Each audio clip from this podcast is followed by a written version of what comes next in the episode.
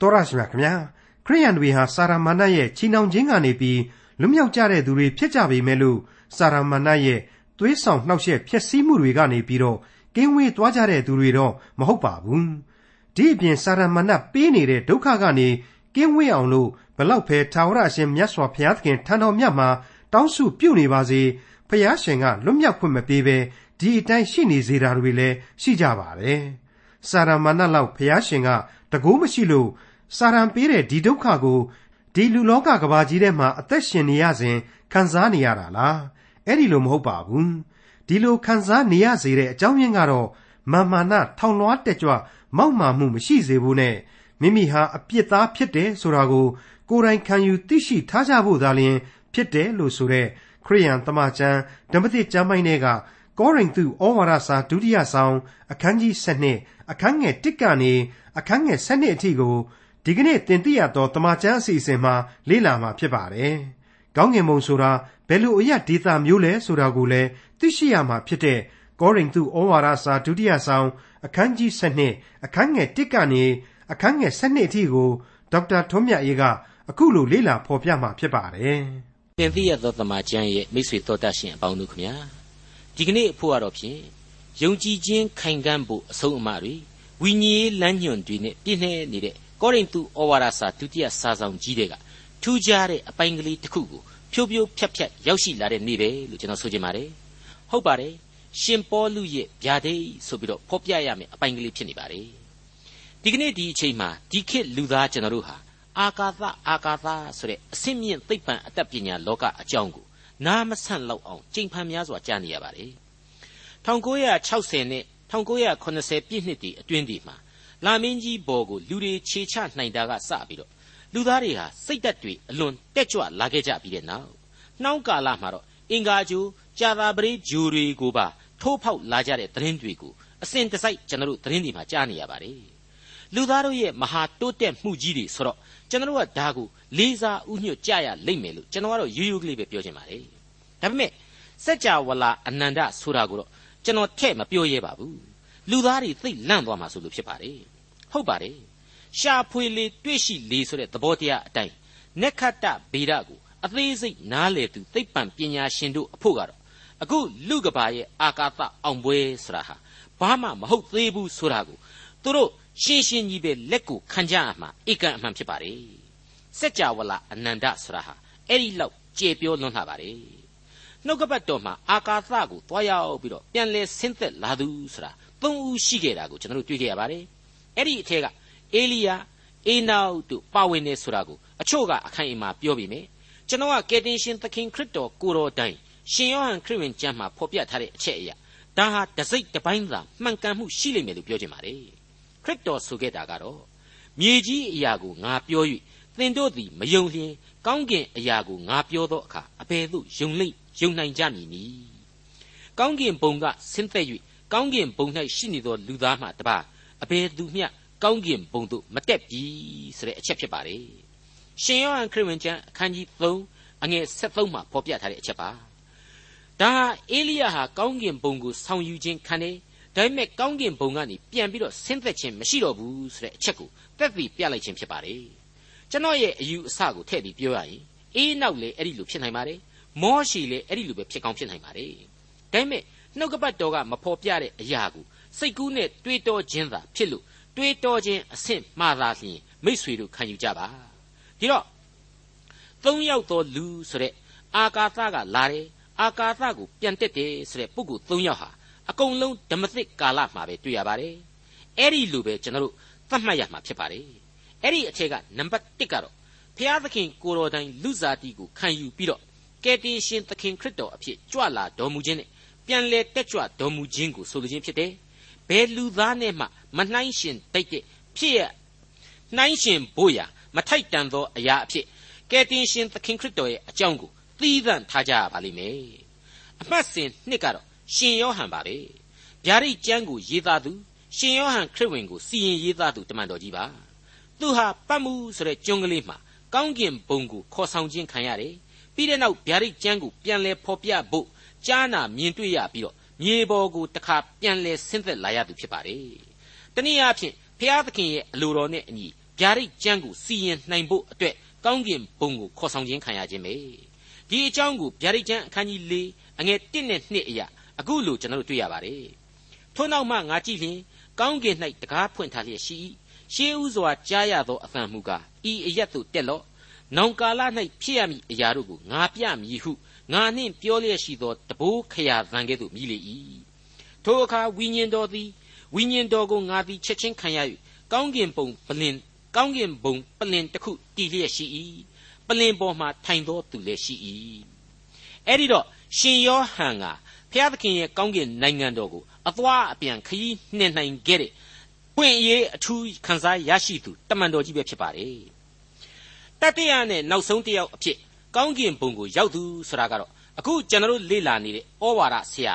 ဆရာကြီးရှင်ပေါလုကိုယ်တိုင်ပဲဖြစ်ပါတယ်ဒီနေရာမှာကျွန်တော်တို့ကကောင်းကင်ဘုံကိုတက်ရောက်ခွင့်ရခြင်းနဲ့ဆင့်သက်နိုင်ခြင်းဆိုတာကိုသာဖော်ပြနိုင်တယ်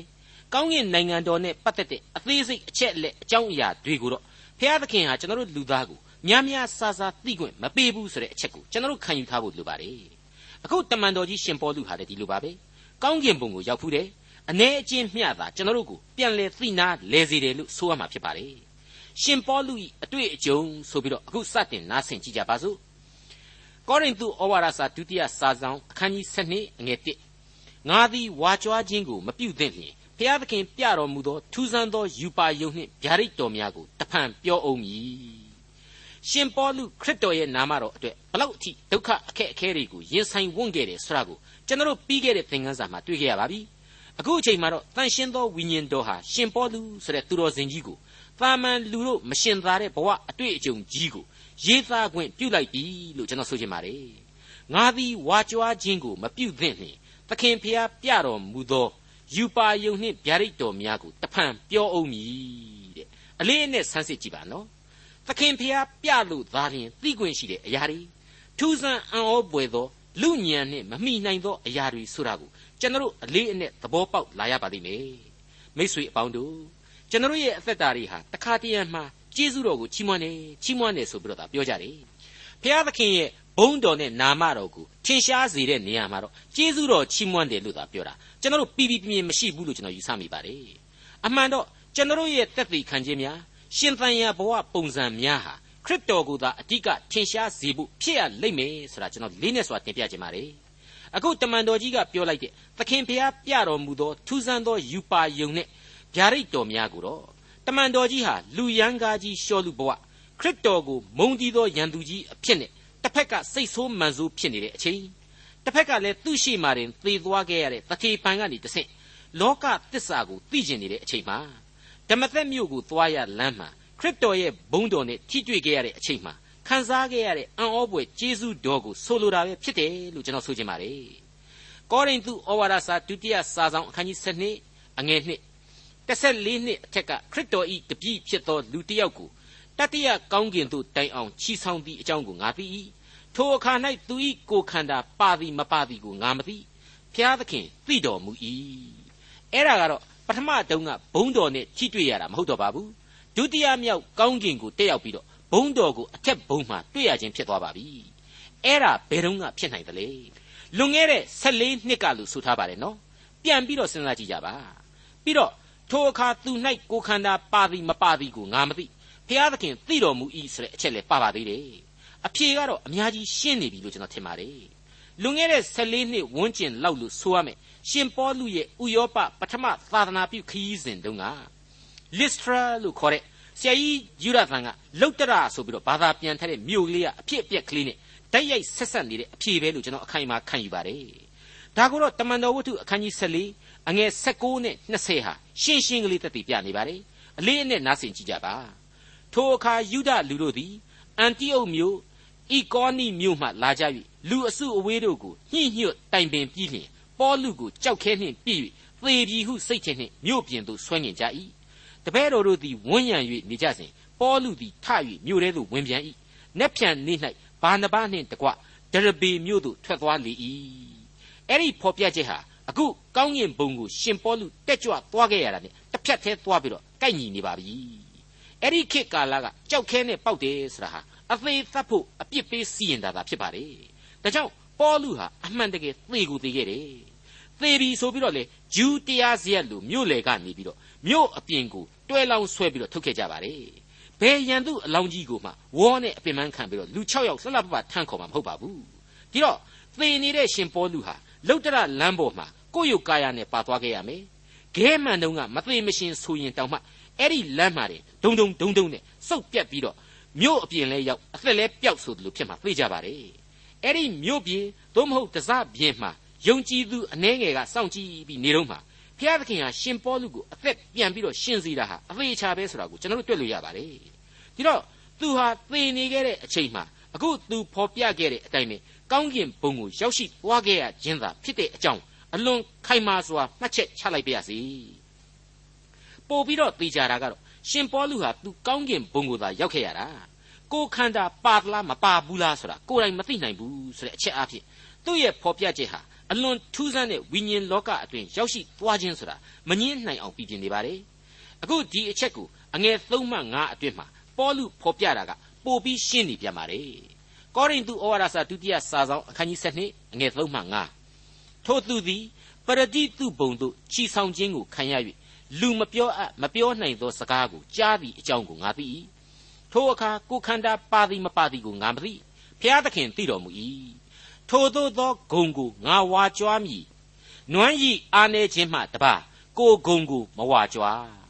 ကျွန်တော်ကကျွန်တော်အဖိုးလိုချစ်တဲ့တောကအသက်60အရွယ်ဓမ္မဆရာကြီးတပါးရဲ့အကြောင်းကိုခဏခဏပြောလေပြောထရှိတော့ဒီနေရာမှာတစ်ခါထပ်ပြီးတော့သတိရလာပါတယ်အသက်80လောက်ကလေးကအဲ့ဒီသင်းရုပ်ဆရာဖူဖူကြီးဟာသူ့အိမ်ထဲကတန်ရှင်းရအခန်းကလေးထဲမှာပဲဖျားသခင်နဲ့တယောက်ချင်းတိုးတိုးတိတ်တိတ်စကားပြောနေတတ်တယ်ဆိုတာကျွန်တော်ပြောခဲ့ပါတယ် အဲ့ဒါဟာမြေပေါ်မှာလူကရှင်သန်နေပြီမြဲကောင်းကင်ဘုံကိုသူ့ဝိညာဉ်ဟာသွားရောက်ကူးသန်းနေခြင်းပဲဘုရားသခင်ထံတော်မှာသူသွားရောက်ပြီးတော့ယာယီခိုနာခြင်းပဲလို့ကျွန်တော်ကတော့ပြတ်သားစွာယုံကြည်ပါတယ်အခုရှင်ပေါလုလုတ်တရကခရိယန်ဆန့်ကျင်ရေးသမားတွေကခဲနဲ့ဝိုင်းထူတော့သေတယ်မြို့လေလန်းအတိုင်းတိုင်းတိုင်းနဲ့သူ့ကိုယ်ခန္ဓာကြီးကိုဆွဲထုတ်ပြီးတော့ဖုံးစိုးမြေတနေရာမှာပြစ်ချခဲ့တော့နှစ်ခါပြန်တောင်းမှရုပ်ပြက်ဆင်းပြက်သေးလိမ့်မယ်ဒါကလူသာသေးတာ ဝိညာဉ်ဟာဘုရားသခင်စီကိုရောက်ရှိသွားခဲ့တယ်ပြီးတော့လူတွေမပြောအပ်မပြောနိုင်တဲ့စကားတွေကိုငါကြားရတယ်ဆိုတာဟာကောင်းကင်ကဝိညာဉ်ရေးနဲ့အသံတွေကို तू ကြားခဲ့ရတာဟာအသေးချပဲပေါ့ဟော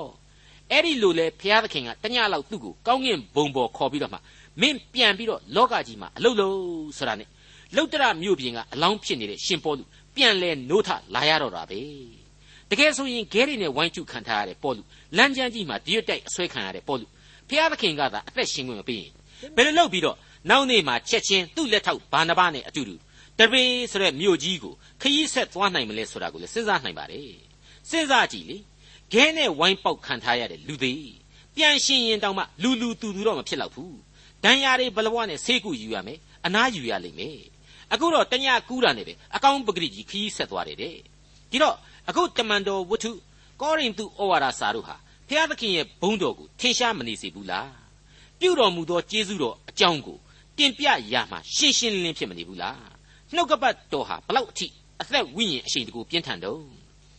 ကောရိန္သုဩဝါဒစာဒုတိယစာဆောင်အခန်းကြီး7အငယ်6ဝါကြွားခြင်းကအလိုရှိလျင်လေသူယူဖြစ်သည်မဟုတ်အကြောင်းမူကားငါသည်ဟုတ်မှန်စွာပြောတတ်၏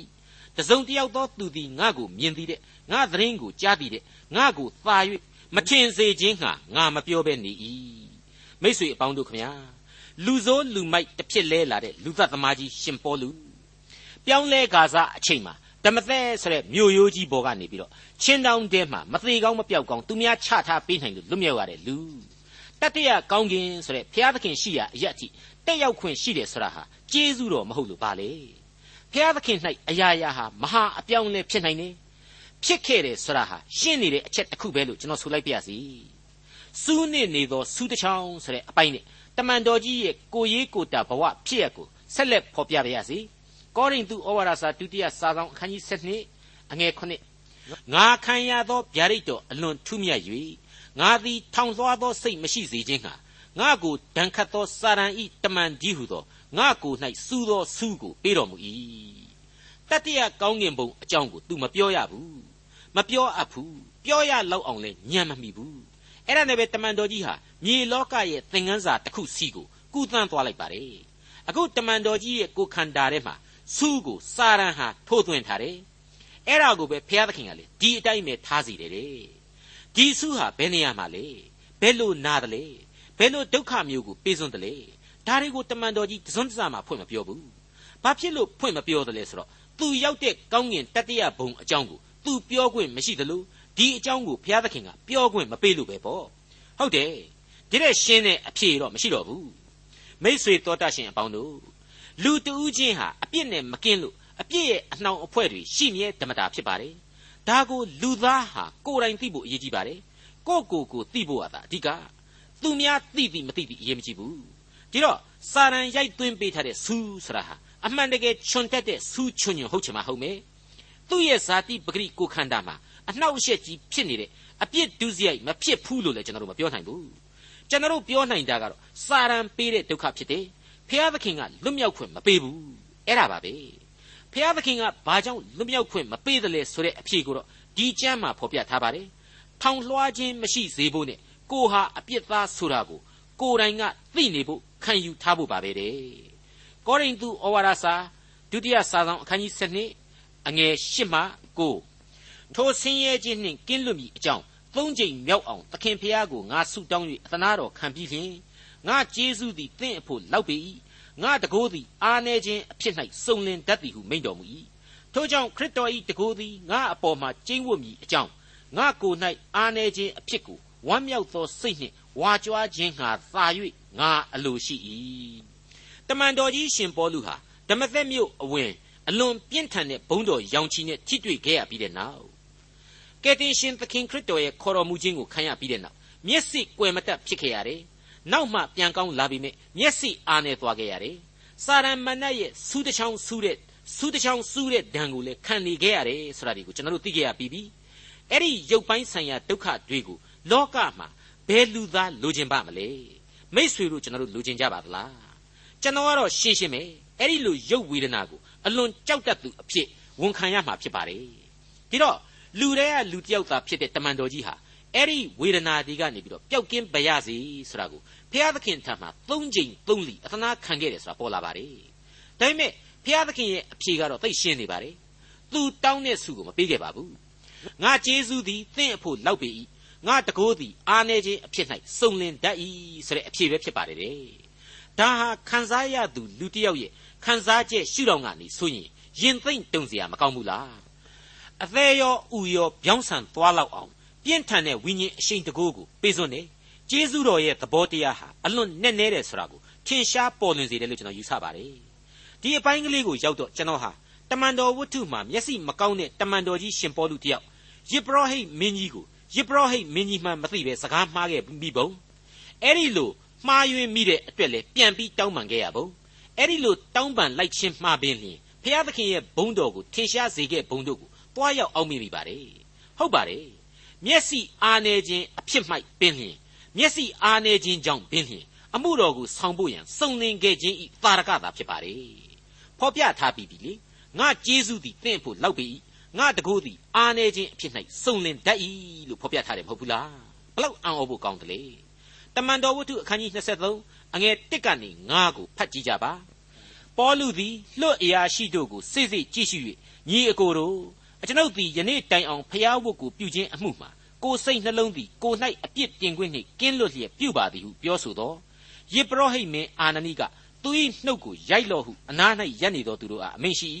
ထိုအခါပေါလုကအဖြူတုတ်သောအုပ်ယိုဖျားသခင်သည်တင့်ကိုရိုက်တော်မူမည်သင်သည်အကျွန်ုပ်ကိုတရားနှင့်အညီစီရင်ခြင်းဟာထိုင်နေလျက်ပင်သူ့ကိုရိုက်လော့ဟုမတရားသဖြင့်စီရင်ရမည်လောဟုဆို၏အနား၌ရပ်နေသောသူတို့ကလည်း သင်သည်ဘုရားသခင်၏ယေဘရဟိတ်မင်းကိုဆဲသလောဟုမေးလျင်ပေါလုကညီအကိုတို့သူသည်ယေဘရဟိတ်မင်းဖြစ်သည်ကိုအကျွန်ုပ်မသိသင်၏အမျိုးကိုအုပ်ဆိုးသောမင်းကိုသင်သည်မကဲ့ရဲ့ရဟုကျမ်းစာ၌လာသည်ဟုဆို၏ကဲတမန်တော်ကြီးရှင်ပေါလုဟာမျက်စိအားနေခြင်းကြောင့်ပင်ဖြင့်ထိုအားနေခြင်း၌တကိုးအားဖြင့်စုံလင်ခဲ့ပြီဆိုတာရှင်းရှင်းကြီးပေါ်လွင်နေပါပြီမိတ်ဆွေအပေါင်းတို့ခမညာ ကျွန်တော်အထက်ထက်ဆိုခဲ့ရတဲ့ဝိညာဉ်ရေးသတ္တိရဲ့အကြောင်းကိုပဲတမန်တော်ကြီးဟာထပ်မံတင်ပြလိုက်တယ်နဲ့အတူတူပါပဲခရစ်တော်အတွက်ပေးဆက်ရခြင်းတို့ဟာနှစ်သက်ဖွယ်ကောင်းလွန်းလှတယ်ဆိုတဲ့အချက်ကိုသူပြောလိုက်တာဟာသူ့ရဲ့တမန်တော်ဘဝအကြောင်းကိုသိသာစေုံမကသေးပဲနဲ့မျက်မှောက်ကာလကျွန်တော်ယုံကြည်သူတို့ရဲ့အချိန်ကာလဓမ္မအမှုတော်ဆောင်တို့ရဲ့အမှုတော်ဆောင်ခြင်းဘဝအဖို့မီးရှုတစောင်တစ်ဖွဲဖြစ်ရပြီလို့ကျွန်တော်ခံယူမိပါတယ်ငါတို့သည်အားနေသောအခါတကိုးနှင့်ပြည့်စုံလျက်ရှိ၏တဲ့ ဒီအကြောင်းကိုတရားသူကြီးမှတ်စာတွေကရှန်ဆုံရဲ့သမိုင်းဖြစ်ရကလေးနဲ့ရှင်တွဲစဉ်းစားစရာမကောင်းဘူးလား။တန်ရှင်းသောဝိညာဉ်တော်ဆင်းသက်တန်နဲ့တပြိုင်နက်သူဟာမဟာလူသားကြီးဖြစ်သွားတယ်။တချို့ကအပေါ်ယံလွှာစဉ်းစားပြီးတော့သူ့သဘင်ရှည်ကြီးမှာအားတွေရှိနေတာတဲ့။အမှန်တော့သဘင်ဆိုတာကအထိတ်အမှတ်လက္ခဏာရက်တစ်ခုလို့သာပြောလို့ရတာ။ဒီခွန်အားကိုတကယ်ပေးတာဟာဘုရားသခင်ပဲ။အဲဘုရားသခင်ရဲ့ဂတိတော်ကိုလည်းဖောက်ဖျက်ကုန်ခွန်အားတွေဟာမိโกမြပြဲတယ်လို့ပြဲသွားရတယ် တခါဘုရားသခင်ကိုပြန်ပြီးအားကိုးတဲ့အချိန်အသနာခံချိန်ကြတော့ခွန်အားနဲ့ပြည့်စုံလာရပြန်တယ်ဆိုတာကိုကျွန်တော်တို့တွေ့ကြရပါတယ်အဲ့ဒီလိုပါပဲကြောက်စလစ်ခဲလေးနဲ့လောက်လွှဲလေးကင်ပြီးတော့ဂေါလိယဆိုတဲ့လူဘလူကြီးနဲ့ရင်ဆိုင်တိုက်ပွဲဝင်ခဲ့သူဒါဝိဒ်ငါသည်သင်ဆဲဆူကျိမ့်ပသောဣသရေလဘူဂျီတို့၏ဖျားသခင်နာမတော်နှင့်မင်းစီကိုရောက်လာခြင်းဖြစ်တယ်ဆိုပြီးမှတိုက်ပွဲဝင်ခဲ့တာကိုလည်းကျွန်တော်တို့အောက်မေ့ဖို့လိုပါတယ်လူဘလူဂေါလိယကြီးက သူ့ကိုယ်ကိုသူရုပ်အင်အားပေါ်မှာမူတည်ပြီးတော့အားရှိတယ်လို့ထင်ခဲ့တယ်ဖျားသခင်ကိုဆယ်ရီတိုင်းထွာခဲ့တယ်ဒါဝိဒ်ကတော့အလွန်နုပြိုငယ်ရွယ်တဲ့သူ့ကြောင့်သားကလေးပဲဖျားသခင်ရဲ့နာမတော်ကလွဲပြီးတော့ဘာအင်အားမှမရှိဘူးဘာအင်အားမှလည်းဆောင်ယူနိုင်စွမ်းမရှိခဲ့ပါဘူးဒါပေမဲ့ဒါဝိဒ်ဂေါလိယကိုအနိုင်ယူခဲ့ပါတယ်အသေးသက်ပြစ်နိုင်ခဲ့ပါတယ်ဒါကိုကျွန်တော်တို့ဟာနှုတ်ကပတ်တော်မှာအထင်အရှားတွေ့ခဲ့ရပြီးသားပါသင်ခန်းစာယူဖို့အများကြီးပဲအရေးကြီးပါတယ်အဲ့ဒါဟာ ဖျားသခင်အားဖြင့်အားနေနေသောငါတို့သည်အင်အားနှင့်ပြည့်စုံနိုင်သည်ဆိုသောပေါလုရဲ့တာရကကိုအားဖြင့်သွန်လောင်းမိမောင်းထိုးပြလိုက်ခြင်းပဲလို့ကျွန်တော်လေးစားစွာတင်ပြပါရစေမိတ်ဆွေအပေါင်းတို့ခမညာတမန်တော်ကြီးတို့ရဲ့အသက်တာသမိုင်းအသီးသီးကိုပြန်ကြည့်လိုက်ရင်လေသူတို့ရဲ့အဆုံးအမတွေဟာစစ်မှန်တဲ့အကြောင်းကိုကျွန်တော်အလေးအနက်တွေ့မြင်ကြရမှာဖြစ်ပါတယ်ဖျားသခင်ဟာသူတို့ကိုရုပ်ပိုင်းဘဝအတွက်လုံလောက်ယုံပဲပေးတယ်စားရယုံပဲရှိမှာပေါ့ သွားနိုင်ယုံပဲလည်းဖြစ်ကောင်းဖြစ်လိမ့်မယ်ဒါမဲ့သူတို့ကကန်းနေတဲ့လူတွေကိုမြင်စေခဲ့တယ်ဒုက္ခိတတွေကိုပြန်လဲတန်ဆွမ်းစေခဲ့ပါတယ်သေတဲ့လူတွေကိုတောင်မှပြန်လဲအသက်သွင်းပေးနိုင်ခဲ့တယ်ဆိုတာဒီကိုကျွန်တော်တန်တော်တွေ့ရမှာဖြစ်ပါတယ်အချိန်ကာလအလျောက်ဖျားသခင်ဟာသူ့ရဲ့အမှုတော်ကိုဆောင်ခဲ့သောသူများကိုအဲ့ဒီလောက်အထိကြီးမားသောဝိညာဉ်ခွန်အားများနဲ့ပတ်ရခဲ့ပါတယ်ဖျားသခင်ရဲ့မဆပြုစုတော်မူခြင်းအဖြစ်ဒီတမန်တော်ကြီးတို့ဟာဘာမှကြီးကြီးမားမားခွန်အားတွေမရှိတဲ့လူတွေ ဘာမှကြီးကြီးမားမားငွေကြီးဥစ္စာဒနာဘာမှမပြည့်စုံတဲ့လူတွေရုပ်ပိုင်းဆိုင်ရာအင်အားလေးပြည့်စုံမှုမရှိတဲ့လူကြီးတွေဘဝမှာပဲဖျားသခင်ရဲ့ဘုန်းတော်နဲ့နာမတော်အတွက်သူတို့ဟာထွန်းလင်းထင်ရှားစွာတက်တည်ထူနိုင်ခဲ့ပါတယ်ဖျားသခင်ရဲ့အမှုတော်ကိုစွန်းစွန်းတမန်ထမ်းဆောင်နိုင်ခဲ့ပါတယ်ခွန်အားတတ္တိများနဲ့ပြည့်ဝစွာနဲ့အမှုတော်ကိုထမ်းဆောင်ပေးခဲ့ကြပါတယ်မိษွေတော်တတ်ရှင်အပေါင်းတို့ခမညာအဲ့ဒီအချက်တွေဟာအားနဲ့နေသောလူသားတို့မှတဆင့် ဖျားသခင်ရဲ့ဝိညာဉ်ခွန်အားနဲ့ပြည့်စုံသောအခါမှာတွေ့မြင်ရသောခွန်အားပြည့်စုံခြင်းဘုံတော်ထင်ရှားစေခြင်းဒီပါပဲအဲ့ဒီလိုစစ်မှန်သောတမန်တော်တို့ဖြစ်ခြင်းအကြောင်းကိုရှင်ပေါလုဟာယုံကြည်သူကောရိန္သုသားများကိုသိစေခြင်းပါတယ်ဝါကြွားခြင်းအရှင်းမဟုတ်ပါဘူးထောင်လွှားခြင်းအရှင်းမဟုတ်ပါဘူးစိတ်ယူးပေါက်ပြီးတော့ကြောက်ကြရဲ့ပြုမှုခြင်းလည်းမဟုတ်ပါဘူးရှင်းလင်းပြတ်သားစွာနဲ့ဘုံတော်နဲ့နာမတော်ကိုထွန်းလင်းထင်ရှားစေရန်အတွက်ဖြစ်ပါတယ် လူသားတို့ကယ်တင်ခြင်းတရားကိုခန်းစားရရှိနိုင်အောင်အတွက်ဖြစ်ပါတယ်ယုံကြည်သူတို့ရဲ့ပတ်ဝန်းကျင်ကစာရမဏတ်ရဲ့လှိုင်းကြရက်တွေကိုယုံကြည်သူတို့ဟာစိတ်အားဖြင့်တိမ်ညွတ်လိုက်ပါမသွားမိစေဖို့ဖျားသခင်ကိုကြောခိုင်းမိပြီးတော့စာရမဏတ်ဆွဲဆောင်ရာကိုပါမသွားစေဖို့အတွက်တမန်တော်ကြီးဟာဟောပြောသွန်သင်လိုက်ရခြင်းဖြစ်ပါတယ်သူ့ရဲ့ဘဝအတွေ့အကြုံပေါ်မှာအခြေခံပြီးတော့သူခံစားရသောဗျာဒိတ်များကိုဝေမျှလိုက်ခြင်းဖြစ်ပါတယ်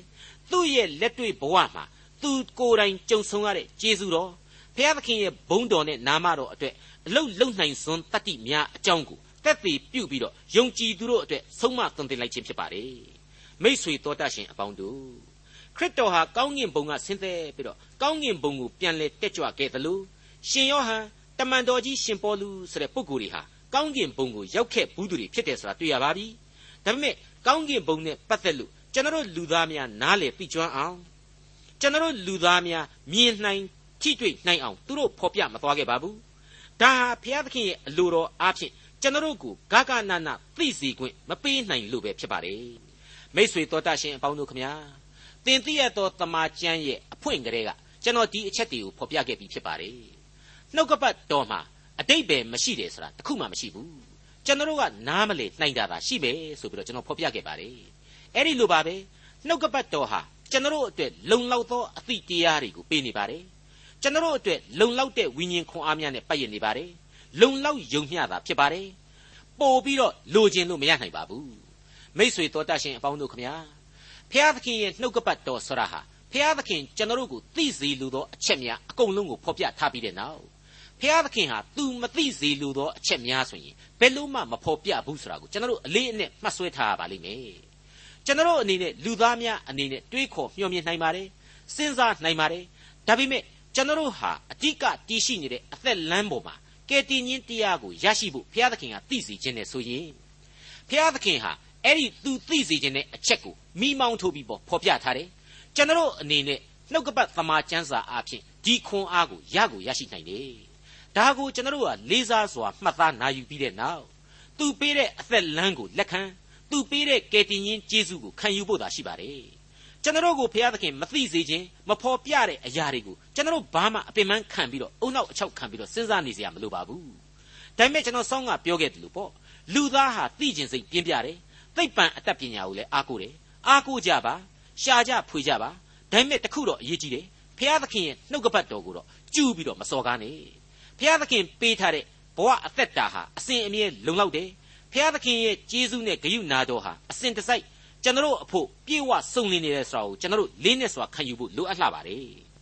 ငါကျေးဇူးသည်သင်အဖို့လောက်ပေ၏ငါတကိုးသည်အာနေခြင်းအဖြစ်၌စုံလင်တတ်၏ဆိုပြီးတော့ဖော်ပြသွားခဲ့တဲ့တမန်တော်ကြီးရှင်ပေါလုရဲ့ဩဝါဒစာဟာဖြင့်ကျွန်တော်အဖို့ရာသက်ပံစုပ်ကင်ထားရမယ်ဩဝါဒစာပဲဖြစ်ပါတယ်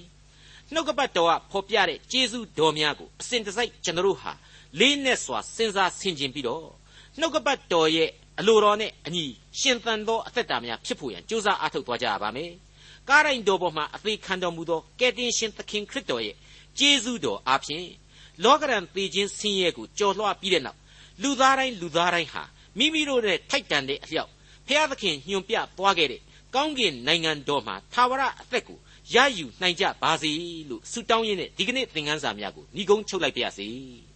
ဆုတောင်းကြပါစို့ ကောင်းကင်ဘုံ၌ရှိတော်မူ၍ကျွန်တော်တို့ကိုချစ်တော်မူသောယေရှုရှင်ဖခင်မြတ်စွာဘုရားသခင်ကိုရောရှင်၏ယေရှုတော်ကိုချီးမွမ်းပါ၏ကျွန်တော်တို့ကိုမိမိတို့၏မစုံမလင်အားနည်းခြင်းအဖြစ်၌ပင်လျင်ကိုရောရှင်၏တန်ရှင်သောဝိညာဉ်တော်အားဖြင့်ကိုရောရှင်အမှုတော်ကိုထမ်းဆောင်ဖို့အခွင့်ကိုပေးတော်မူသောကြောင့်ယေရှုတော်ကိုချီးမွမ်းပါ၏ကျွန်တော်၏ရှိနေသောအပြစ်အလုံးစုံတို့ကိုဖြည့်လွတ်ဖြည့်ရှင်းတော်မူပါမတော်လောဘနှင့်ဒေါသအမျိုးမျိုးတို့နှင့်ကင်းဝေးနိုင်ဖို့ရန်အတွက်အစဉ်အမြဲစောင့်ထိန်တော်မူပါ တင်တိရသောတမန်ကျမ်းစာအစီအစဉ်များကိုနားဆင်နေကြသောသောတာရှင်များအားလုံးတို့ကိုလည်းကိုရရှင်ကောင်းကြီးမင်္ဂလာပေးတော်မူပါတူးစီတို့၌ကိုရရှင်၏နှုတ်ကပတ်တော်ကိုနာယူသည်သာမကလက်ခံကျင့်သုံးနိုင်သောဝိညာဉ်ခွန်အားများကိုပေးသနာတော်မူပါတူးစီတို့၏ကိုယ်ကာယကြမ်းမာခြင်းစိတ်ဝိညာဉ်ရှင်လန်းခြင်းအခွင့်များကိုပေးသည်သာမကမိမိတို့နှင့်သက်ဆိုင်သောမိသားစုအိမ်တောင်တိုင်းတို့အပေါ်မှာကိုရရှင်၏လူသားတို့ကြံစည်၍မမိနိုင်သောကောင်းကြီးမင်္ဂလာနှင့် ငြိမ်သက်ခြင်းအခွင့်အရေးများကိုခံစားရဖို့အခွင့်ကိုပေးတော်မူပါကျွန်တော်သင်သိရသောတမန်ကျမ်းအစီအစဉ်သည်လည်းရှေ့လာမည်နေ့ရက်များတွင်ကိုရရှင်၏နှုတ်ကပတ်တော်ကိုပိုး၍ကိုရရှင်၏တန်ရှင်သောဝိညာဉ်တော်ဥဆောင်လမ်းပြမှုအားဖြင့်ထိရောက်စွာအတိတ်ပဲများပြန်ဆိုနိုင်ဖို့အခွင့်ပြည်သူလူထုထံသို့တင်ပြနိုင်ဖို့အခွင့်ကောင်းကြီးမင်္ဂလာများကိုဆက်လက်၍ပေးသနာတော်မူပါကျွန်တော်ဤမှားယွင်းဆိုးရုပ်မိသောအပြစ်အလုံးစုံတို့ကိုဖြစ်လွတ်ဖြေရှင်း၍ ကိုရောရှင်နှင့်ထိုက်တန်ဖို့ရန်တနေ့တည်းတနေ့ပိုး၍ပိုး၍ကိုရောရှင်ပြုပြင်တော်မူပါမည်အကြောင်းကယ်တင်ရှင်သခင်ခရစ်တော်၏မဟာနာမတော်မြတ်ကိုသာအမိပြု၍အလွန်ယိုသေးလေးမြတ်ခြင်းနှင့်ဆုတောင်းအသနာခံဝန်ပါသည်ဖဖျားအာမင်ဒေါက်တာထွန်းမြတ်၏စီစဉ်တင်ဆက်တဲ့တင်ပြရသောတမချန်းအစီအစဉ်ဖြစ်ပါတယ်နောက်တစ်ချိန်အစီအစဉ်မှာခရိယန်တမချန်းဓမ္မသစ်ကျမ်းပိုင်းတွေကကောရိန္သုဩဝါဒစာဒုတိယဆောင်အခန်းကြီး7အခန်းငယ်73ကနေ အခန်းငယ်21အထိကိုလေ့လာမှဖြစ်တဲ့အတွက်စောင့်မျှော်နားဆင်နိုင်ပါတယ်။